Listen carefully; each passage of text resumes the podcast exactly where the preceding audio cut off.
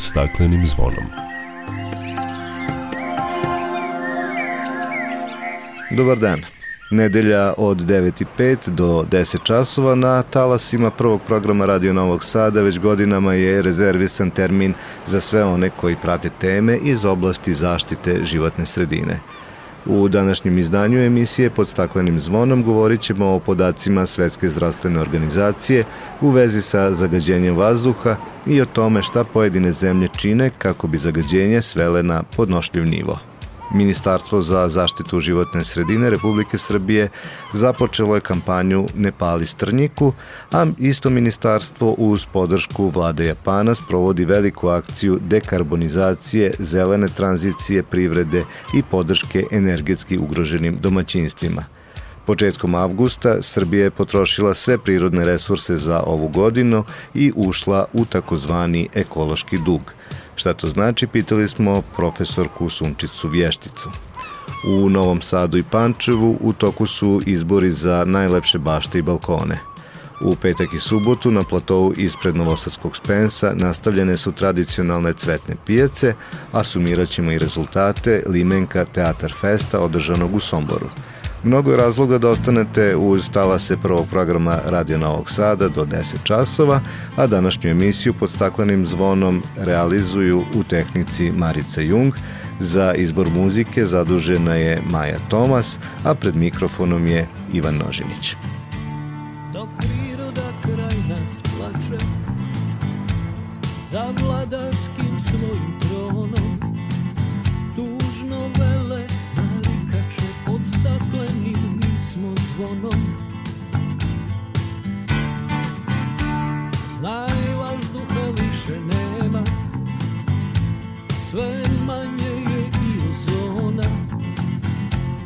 Protiv sebe ide čovek i to često Bez pardona. Uništenju živog sveta Kao da su ljudi skloni. Čovek sam je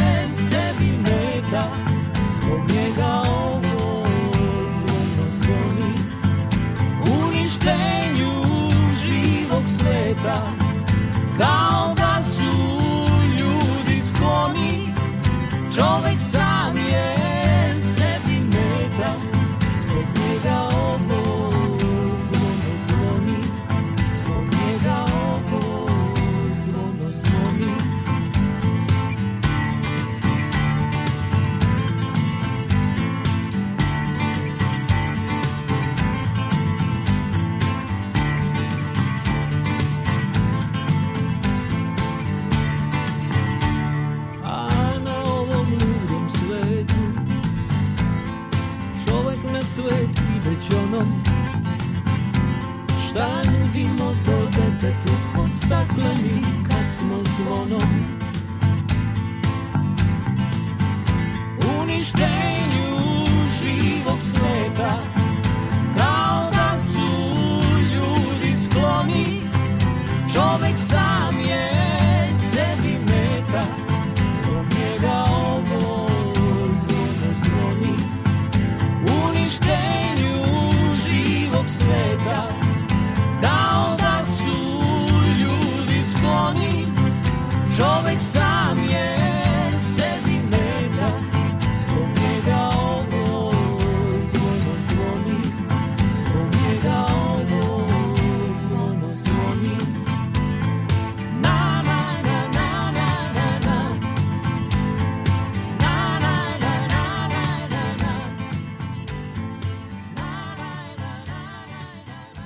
Analiza satelitskih podataka pokazuje da se 98 od 100 ljudi u Evropi suočava sa zagađenjem vazduha koje je iznad granica koje preporučuje Svetska zdravstvena organizacija. Evropska unija zato predlaže nova pravila. Svetska zdravstvena organizacija preporučuje da prosečna koncentracija zagađenja sitnim česticama ne sme da prelazi 5 mikrograma po kubnom metru vazduha godišnje. Nivoji zagađenja razlikuju se od regiona do regiona. Situacija je posebno problematična u delovima istočne Evrope, dolini reke Po u Italiji i na širim područjima velikih gradova kao što su Atina, Barcelona i Pariz – Analiza takođe pokazuje da najzagađeniji regioni u Evropi dostižu prosečnu godišnju koncentraciju od oko 25 mikrograma po kubnom metru. U pojedinim regionima u kojima je koncentracija mikročestica bila velika, u poslednje vreme došlo je do poboljšanja. Reč je o Južnoj Poljskoj. Do povoljnije situacije u Poljskoj došlo je nakon što su vlasti te zemlje pokrenule plan za modernizaciju sistema grejanja u domaćinstvima. Taj program traje već 10 godina. Reč je o zameni starih peći. Skoro 800.000 zastarelih peći je zamenjeno, ali je ostalo još oko 3 miliona. Prema istraživanju Eurobarometra iz 2022. većina evropljana sada smatra da su respiratorne bolesti uzrokovane zagađenjem vazduha ozbiljan problem. Dok su mnogi ispitanici rekli da misle da nisu dobro informisani o trenutnim standardima, velika većina izjavljuje da je svesna tog problema i smatra da bi pravila o kvalitetu vazduha trebalo pooštriti.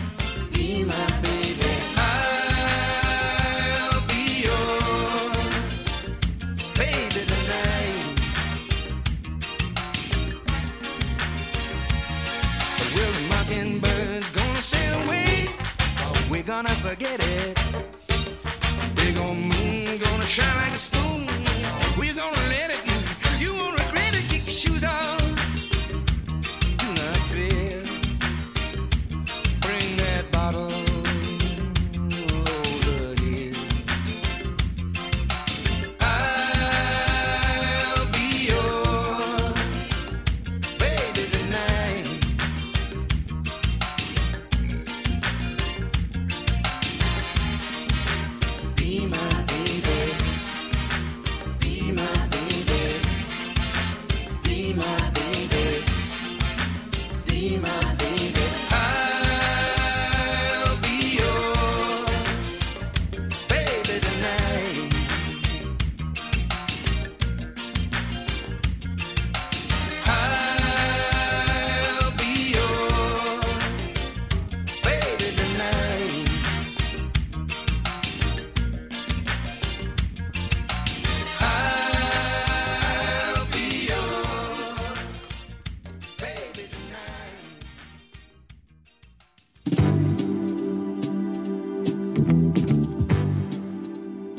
Početak kampanje od nacionalnog značaja ne pali strnjiku sa ciljem da se zaustavi štetna praksa paljanja žetvenih ostataka i time spreče požari koji dovode do zagađenja vazduha, uništavaju okolinu i imovinu, svečano je obeležen 4. septembra u Ministarstvu zaštite životne sredine. Ministarka Irena Vujović navela je da će kampanjom biti skrenuta pažnja na štetnost i kažnjivost paljenja biljnih ostataka na njivama nakon žetve, ali i na savete kako da se oni zbrinu na način koji ne šteti životnoj sredini i ne ugrožava zdravlje i bezbednost ljudi i dodala. Kroz radnu grupu koju imamo na nivou vlade, svi smo zaključili da je paljenje stranjike, odnosno žetvenih ostataka i biljnih ostataka, znatno narušava životnu sredinu i pre svega kvalitet vazduha. Svi se trudimo da poboljšamo i unapredimo kvalitet vazduha, a naročito i u mesecima kada nema grejne sezone, a mi učinimo da se dogodi da zabeležimo prekomerno zagađenje vazduha u pojedinim opštinama. Stoga se nadam da će ova kampanja podizanja svesti za koju je zaduženo nadležno Ministarstvo životne sredine u mnogome doprineti da se svest pojedinaca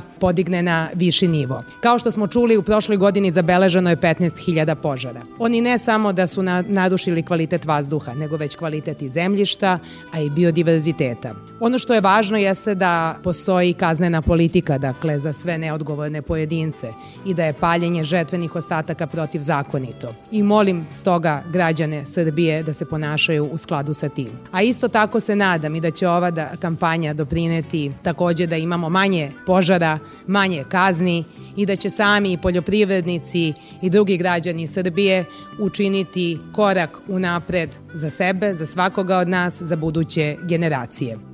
Kampanja je istakla ministarka Irena Vujović, rezultat dobre saradnje Ministarstva zaštite životne sredine, poljoprivrede, šumarstva i vodoprivrede, unutrašnjih poslova i Ministarstva građevinarstva, saobraćaja i infrastrukture, a realizuje se uz podršku delegacije Evropske unije u Srbiji i programa Ujedinjenih nacija za razvoj. U Srbiji se svake godine zabeleži na stotine požara izazvanih paljenjem strnjike – Samo u 2018. godini paljen je poljoprivredni otpad na površini većoj od 500 hektara. Paljenje strnjike nanosi veliku štetu i ugrožava živote, zbog čega je zakonom strogo zabranjeno. Požar se lako otme kontroli, uništavajući okolne useve, šume, biljni i životinski svet. Mnoge vrste koje stradaju, poput divljači i redkih ptica, su i zakonom zaštićene. Ispuštanjem velike količine ugljen dioksida koje je posledica požara povećavaš efekat gasova staklene bašte. Time utičeš na nepovoljnije klimatske uslove i povećavanje snage i učestalosti poplava i suša. Paljenjem biljnog otpada uništavaš sav život u zemlji neophodan za rast biljnih kultura i nanosiš dugoročnu ekološku štetu zemljištu i životnoj sredini. Umesto zabranjenog i štetnog paljenja, nauči kako da tretiraš biljni otpad, da ga ponovo upotrebiš u svojoj proizvodnji ili pretvoriš u energiju. Budi odgovoran i savestan prema svojoj porodici, imovini i zemlji. Ne pali strnjiku, ne zagađuj životnu sredinu, ne rizikuj živote i imovinu.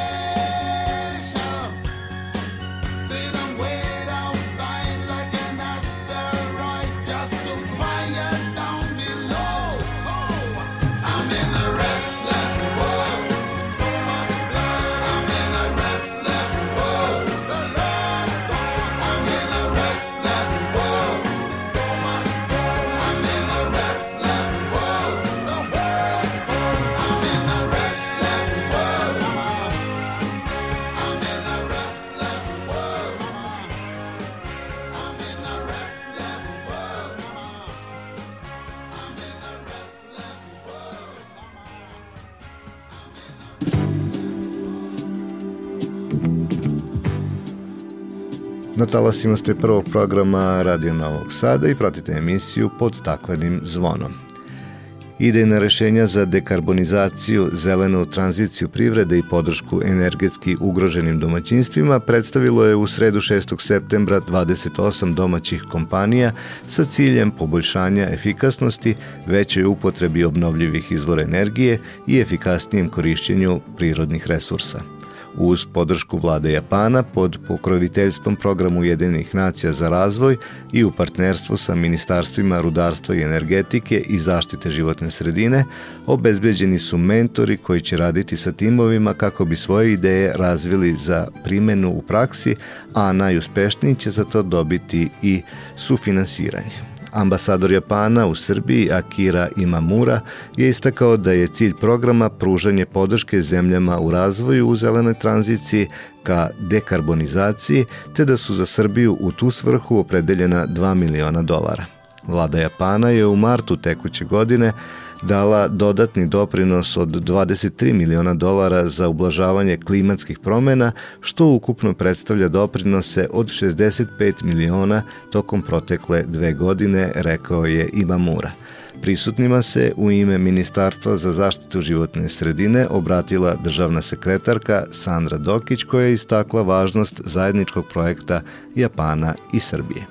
Ovim projektom vlada Japana i vlada Republike Srbije potvrđuju svoju posvećenost, a to je da dostignemo ciljeve koje smo sebi zadali kada smo usvojili nacionalno određeni doprinost.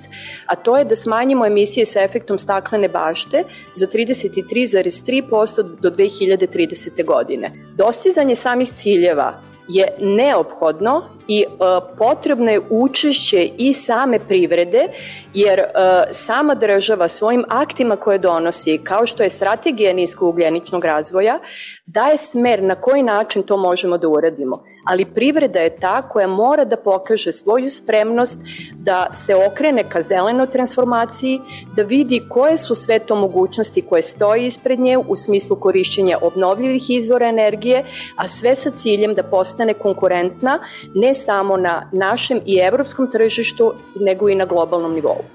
Među inovativnim rešenjima koje su predstavljena na događaju u hotelu Mona našla se ideja energetske zadruge Elektropionir iz Beograda koja zajedno sa organskom farmom Organela planira korišćenje solarne energije u procesu proizvodnje organske hrane, a poseban značaj za sprovođenje ove ideje imaće umrežavanje energetskih i poljoprivrednih zadruga – Kompanija Toyo Tire Srbija će reciklirati gume i od njih praviti ulični mobilijar, čime će smanjiti štetan uticaj otpada od guma na životnu sredinu. Porodična firma koja se bavi proizvodnjom uređaja za grejanje, hlađenje i ventilaciju KGH Inženjering iz Zaječara planira ugradnju solarnih panela i njihovo povezivanje sa cvetnim plastenikom koji vode članice domaćinstva kao i toplotne pumpe vazduh voda za potrebe grejanja i hlađenja poslovnih prostorija. Rešenje kompanije Beočista energija omogućava objedinjavanje zatvaranja i sanacije deponije u Vinči kroz izgradnju postrojenja za energetsko iskorišćenje otpada i deponijskog gasa. Podsjetimo na to da je prema Evropskom zelenom dogovoru zelenom agendom za Zapadni Balkan i sporazumom o klimi iz Pariza zajednički cilj da Evropa postane klimatski neutralan kontinent do 2050. godine. Po rečima Dokićeve, zbog toga je zelena transformacija neminovnost zemalja Zapadnog Balkana i zemalja Evropske unije i onih država koje se nalaze na njihovom tržištu. Ona je dodala da Ministarstvo za zaštitu životne sredine intenzivno radi na implementaciji zelene agende u Srbiji uz veliku pomoć vlada Kraljevine Švedske i Švajcarske. Državna sekretarka Sandra Dokić pozvala je kompanije i predstavnike lokalnih samouprava u Srbiji da se javljaju na konkurse Ministarstva za zaštitu životne sredine i prate njegove aktivnosti. Ja vas takođe pozivam da pratite sve aktivnosti Ministarstva zaštite životne sredine, zato što i velika sredstva se izdvajaju iz samog nacionalnog budžeta. Mi objavljujemo javne pozive gde podstičemo jedinice lokalnih samouprava da se jave na naše konkurse koji imaju za cilj ne samo poboljšanje kvaliteta vazduha, nego i upravljanje otpadom, zatvaranje e, nesanitarnih deponija kao i upravljanje otpadnim vodama. Upravo sve te aktivnosti nama treba da pomognu da dostignemo ono što hoćemo, a to je da smanjimo emisije sa efektom staklene bašte, da smanjimo zagađenje i da svi imamo kako na lokalnom, tako i na nacionalnom nivou mnogo bolju životnu sredinu koju zaslužujemo kako mi, tako i, sve, i naše dolazeće generacije. Radio Novi Sad pridružuje se pozivu državne sekretarke Sandre Dokić zarad što zdravije životne sredine u našoj zemlji.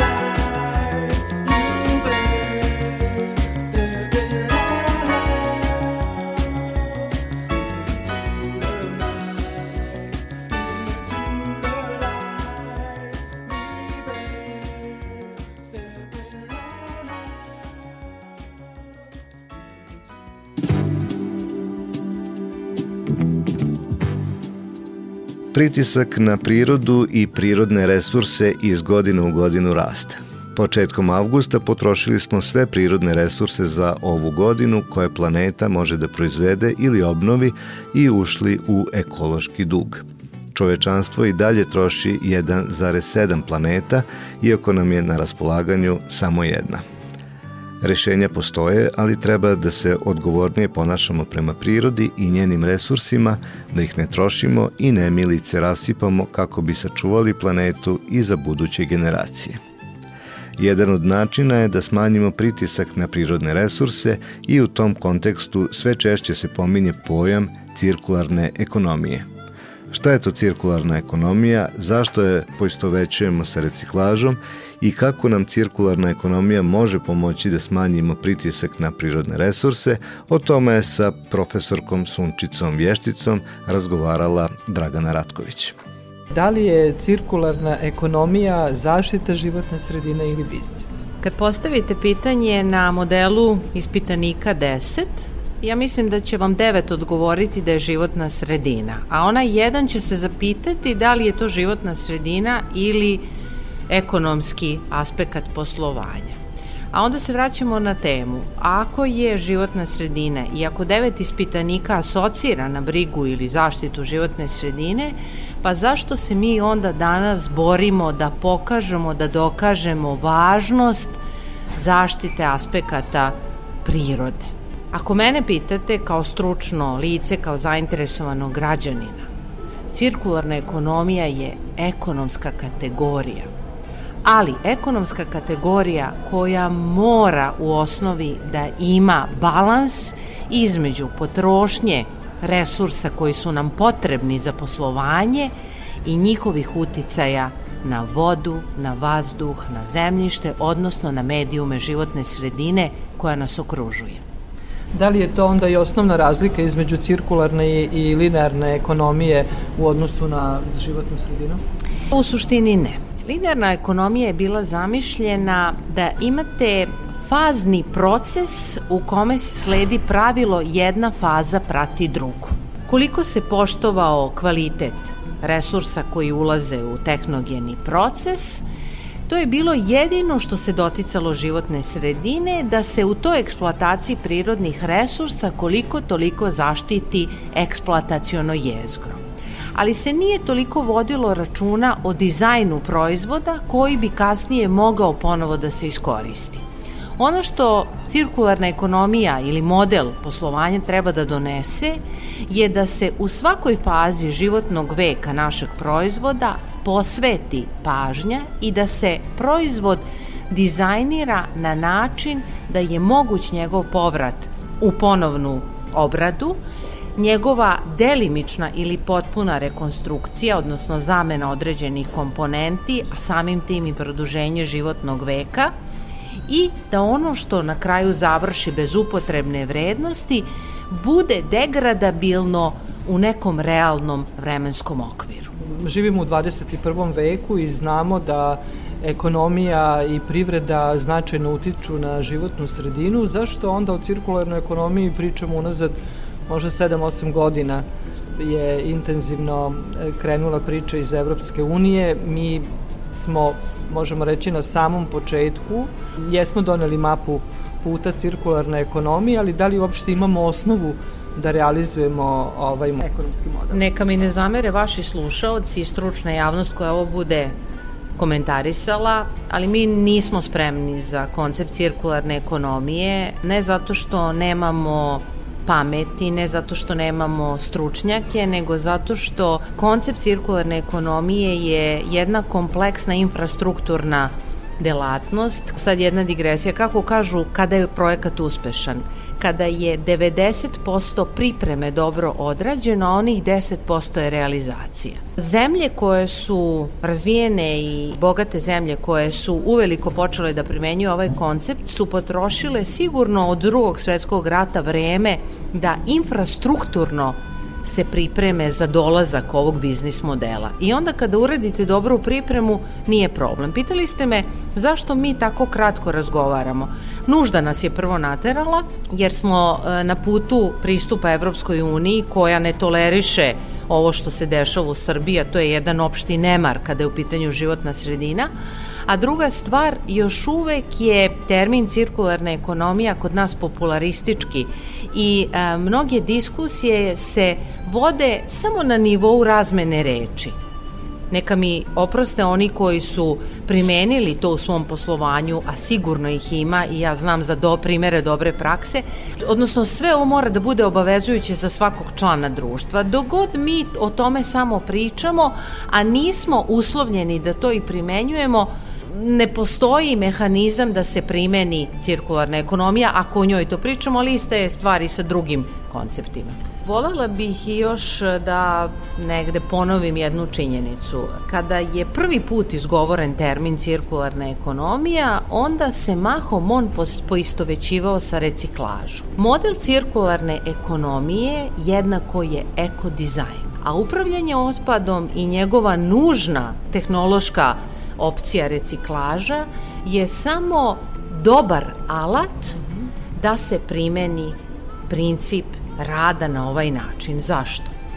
Ako smo na nivou da je otpad već stvoren, a svedoci smo da se stvara i da se povećava količina, onda nam je reciklaža jako skup alat za primenu cirkularne ekonomije. Reciklaža mora da bude planirana i predviđena za onaj procenat ekodizajna modeliranog proizvoda po principima ekoloških modela, da bi reciklaža samo bila priroda nastavak životnog veka i da mi danas nemamo reciklažu kao stavku, kao kategoriju koja će nas koštati i za koju nemamo dovoljno sredstava, nego da jednostavno ona bude deo tehnološke linije. Tako da ja ne bih isticala upravljanje otpadom kao posebnu kategoriju ili poseban mehanizam, ali u ovom trenutku, jer smo zatečeni količinama, on je trenutno nama je snaga. Ako uspostavimo dobar sistem, lakše ćemo preći na model cirkularne ekonomije, brže i lakše. Da li onda u tom smislu model cirkularne ekonomije možemo definisati kao manji pritisak na prirodne Upravo resurse? To. Koje... Upravo to, hvala vam na toj misli. To i treba da bude smanjenje, optimizacija negativnih uticaja i pritisaka na životnu sredinu. To i jeste osnovni smisao, jer ne možete eliminisati onaj biznis interes To prosto mora da funkcioniše kako bi se društvo razvijalo.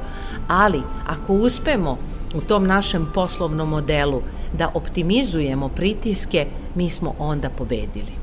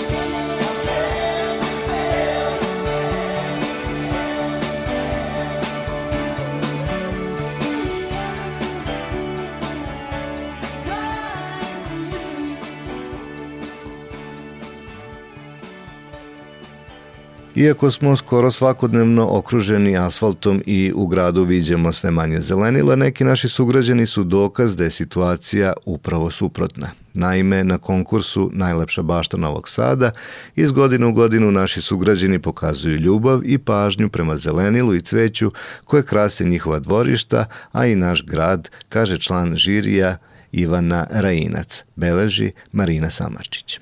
Ruže, hibiskus i raznorazno zelenilo, ali pre svega ljubav i kreativnost novosađana koji se godinama staraju o svojim baštama, koje su raj za oči kako njih, tako i svih prolaznika. Pobednica ovogodišnjeg konkursa Sanja Arbutina Ćirić zajedno sa svojim mužem već dugo vremena bavi se i uređenjem bašte, a njihov trud je nagrađen vikend putovanjem na Kopaonik. Uglavnom, e, to je bilo na nagovor komšija, prijatelja, rodbine i tako. Kogod dođe kod nas oduševi se baštom, ali je sve drugačije nego na slikama. Eto, to je bilo presudno.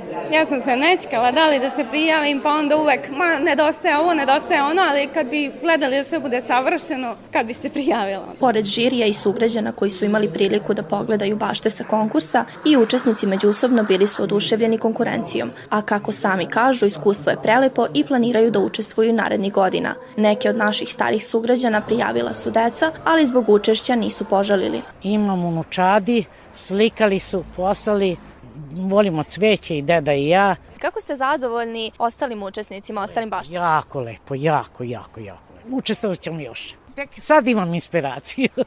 Moja terasa je taka da ja jedva prođem sad kroz terasu. Imam, kažem, oko 11 samo hibiskusa.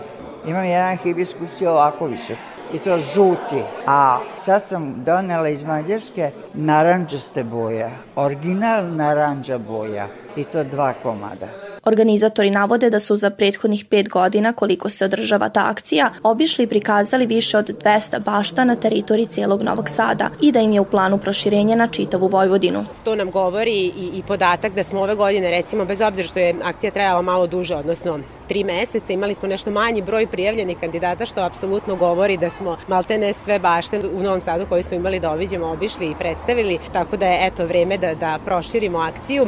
Bašte su bile predivne, konkurencija je zaista velika, kao i svake godine, teško je bilo možda čak i najteže, moram da kažem baš iz tog razloga što smo imali nešto malo manje baštica nego prethodnih godina i onda je zaista svaka prelepa na svoj način. Autentičnost i lepota možda je najbolji opis za sve bašte koje su se naše na konkursu. Pobeda i ove godine formalno otišla u Kać, ali prema rečima organizatora svi učesnici mogu se smatrati pobednicima.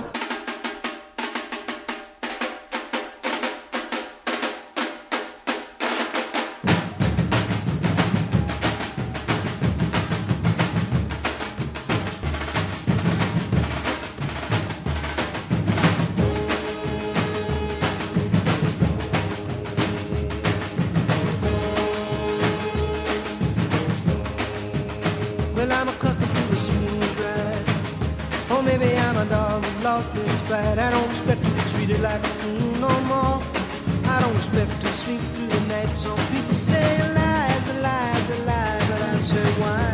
Why deny the obvious child? Why deny the obvious child? And I'm remembering a road sign. I'm remembering a girl when I was young. And we said these songs are true, these days are ours, these tears are free. The cross is in the ballpark, and the cross is in the ballpark.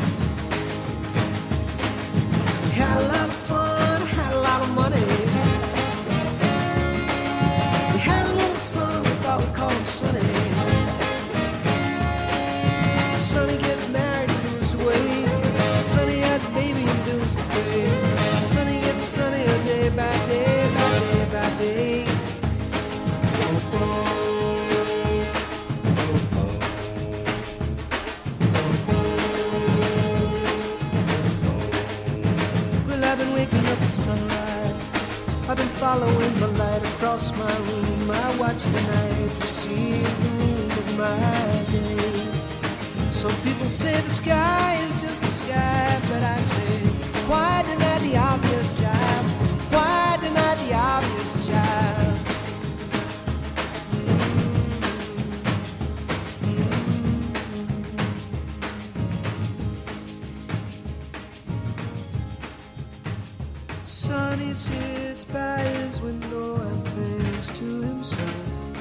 How it's strange that rooms are like cages. Sonny's yearbook from high school is down from the shelf, and he idly thumbs through the pages. Some have died, some have fled from themselves, or struggled from here to get there. Sonny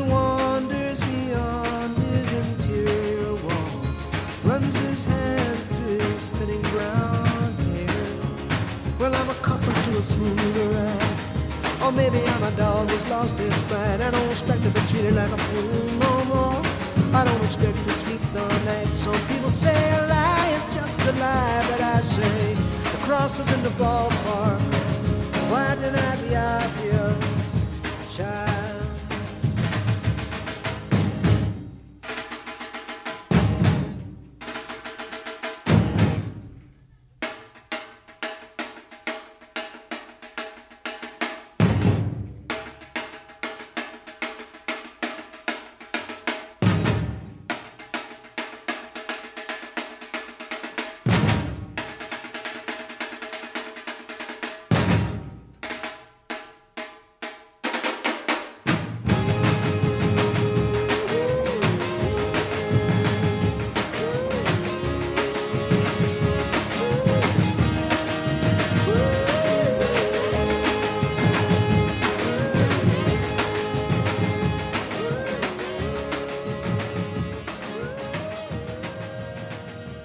Javno komunalno preduzeće Zelenilo iz Pančeva tradicionalno organizuje izbor za najlepše uređenu baštu i balkon. Na konkurs koji je otvoren još sutra, svake godine stiže veliki broj prijeva, a vlasnici najlepših bašta i balkona dobijaju nagrade. Više o konkursu sa inženjerkom pejzažne arhitekture javno-komunalnog preduzeća Zelenilo Ženjom Marinković razgovarala je naša dopisnica Snežana Đurić. Koliko se ljudi obično javi na ovaj konkurs i koji su uslovi, šta trebaju poslati na koju adresu? Pa, na ovaj konkurs e, za izbor za najlepšu baštu i najlepši balkon e, javi se u zavisnosti od godine do godine između 30 i 50 učesnika. To su dve različite kategorije. Takođe, mi uobičavamo da u, i treću kategoriju uvrstimo u ovaj izbor, a to je konkurs za najlepše uređenu javnu zelenu površinu, jer postoje ljudi koji nemaju dakle svoje zelene površine u smislu vrtova, ali vole da uređuju svoje prostore ispred stambenih zgrada. E, kao što ste rekli, konkurs traje od 1. do 11. septembra. Otvaranje izložbe koju ćemo upriličiti u Parku Narodna bašta biće organizovano 15. septembra u 12 sati i tamo će svi koji su prijavljeni, koji su učestvovali u konkursu biti pozvani da pogledaju fotografije koje će biti izložene na panojima u samoj kafe galeriji svih učesnika, njihovih vrtova i, i balkona. Tada i proglašenje pobednika, koje su nagrade? E, nagrade su u vidu vouchera, kao i svake godine. Tri najbolje e, ocenjena će biti nagrađeni voucherima u iznosima od 4, 6 i 8 hiljada za balkon i 6, 8 i 10 hiljada e, za najlepši vrt. Ove vouchere će moći da iskoriste za kupovinu nekog biljnog materijala u rasadniku JKP Zelenila u narednih godinu dana. Već 15 godina Zelenilo organizuje ovu zaista lepu akciju i dosta ljudi se javi e, svake godine. E, kakve su te dekoracije bašta i balkona? Da li se tu nešto promenilo za, za sve ove godine, neke, ne, da kažemo, stilovi dekoracije? Stilovi se stalno menjaju, pogotovo sad kako su društvene mreže, da kažem, vrlo interesantne i prati ih dosta ljudi vezano za uređenje dvorišta i balkona, tako da e, izbor takođe na pijacama i u rasadnicima je svake godine drugačiji i sve je veći. Ljudi to vrlo prate i vole da njihovi vrtovi budu drugačiji, tako da kupuju različite biljke, menja se to zaista i lepo je videti kako se promene dešavaju.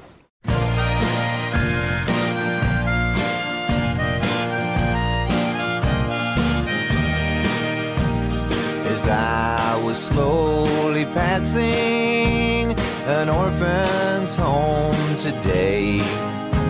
I stopped for just a little while to watch the children play.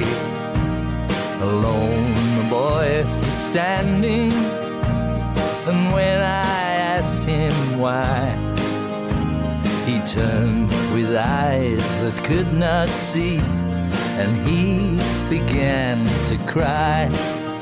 I'm nobody's child. I'm nobody's child. Just like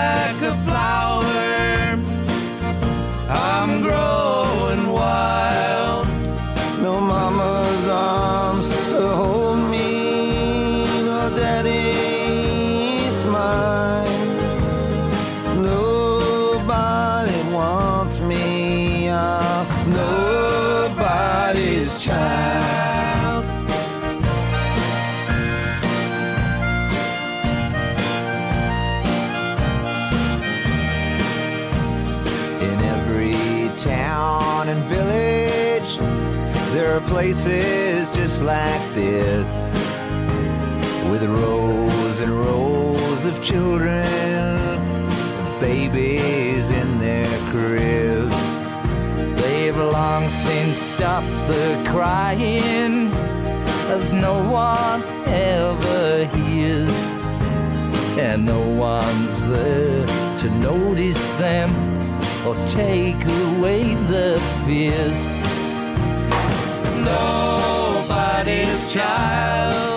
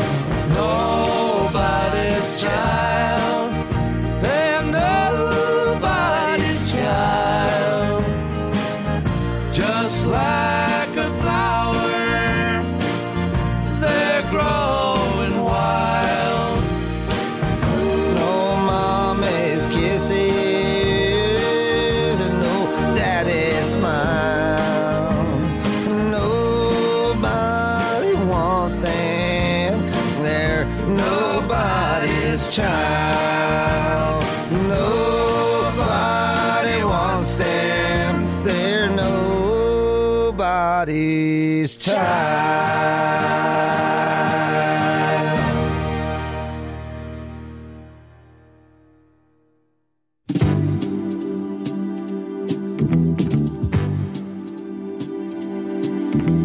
Sa ciljem očuvanja životne sredine i podizanja ekološke svesti, tokom drugog Limenka Teatar Festa prikupljeno je 38.250 limenki za reciklažu u Somboru.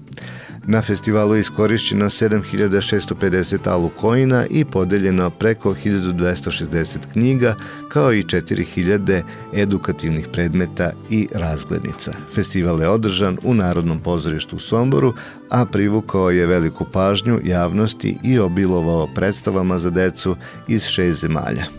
Hrvatske, Bosne i Hercegovine, Mađarske, Bugarske, Perua i Srbije.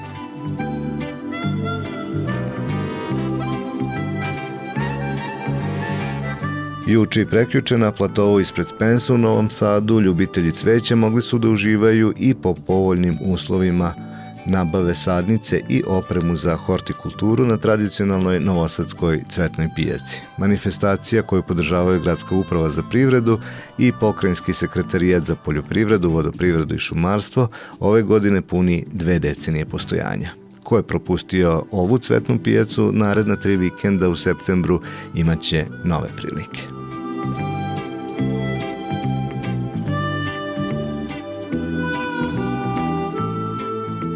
Bilo je ovo sve što smo vam pripremili za nedeljno jutro ovog 10. septembra.